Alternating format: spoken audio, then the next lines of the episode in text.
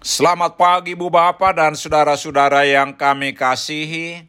Kami dari Yayasan Badan Kerjasama Marturia mengucapkan selamat beraktivitas hari ini di dalam penyertaan Tuhan kita Yesus Kristus.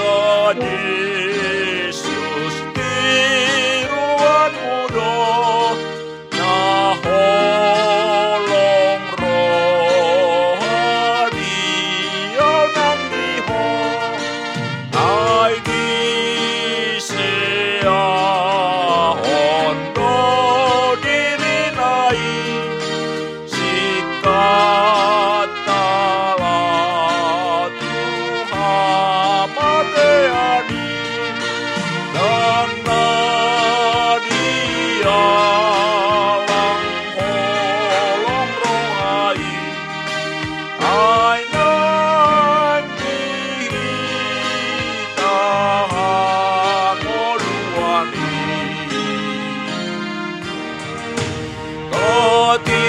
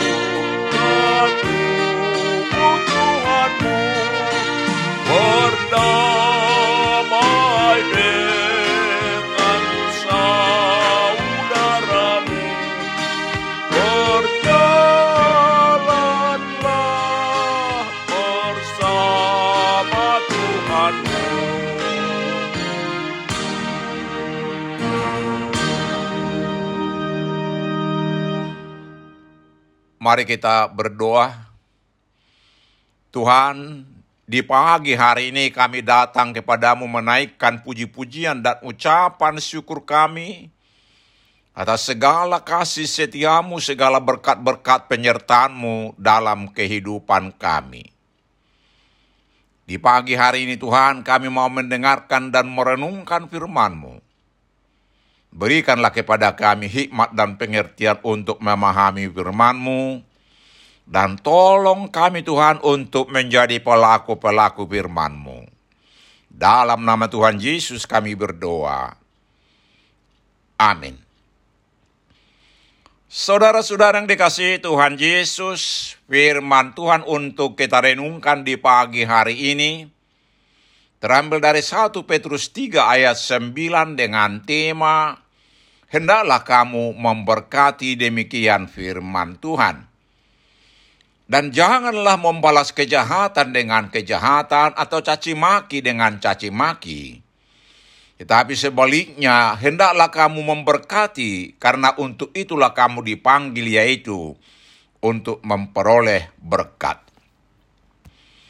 Saudara-saudara yang dikasihi Tuhan Yesus, topik renungan di minggu Advent pertama ini ialah Raja Damai yang akan datang.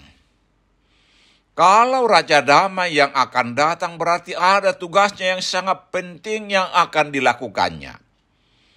Raja damai akan datang untuk membawa damai kepada umat manusia. Untuk mendamaikan kembali Allah dengan manusia yang sudah putus hubungannya akibat dosa manusia.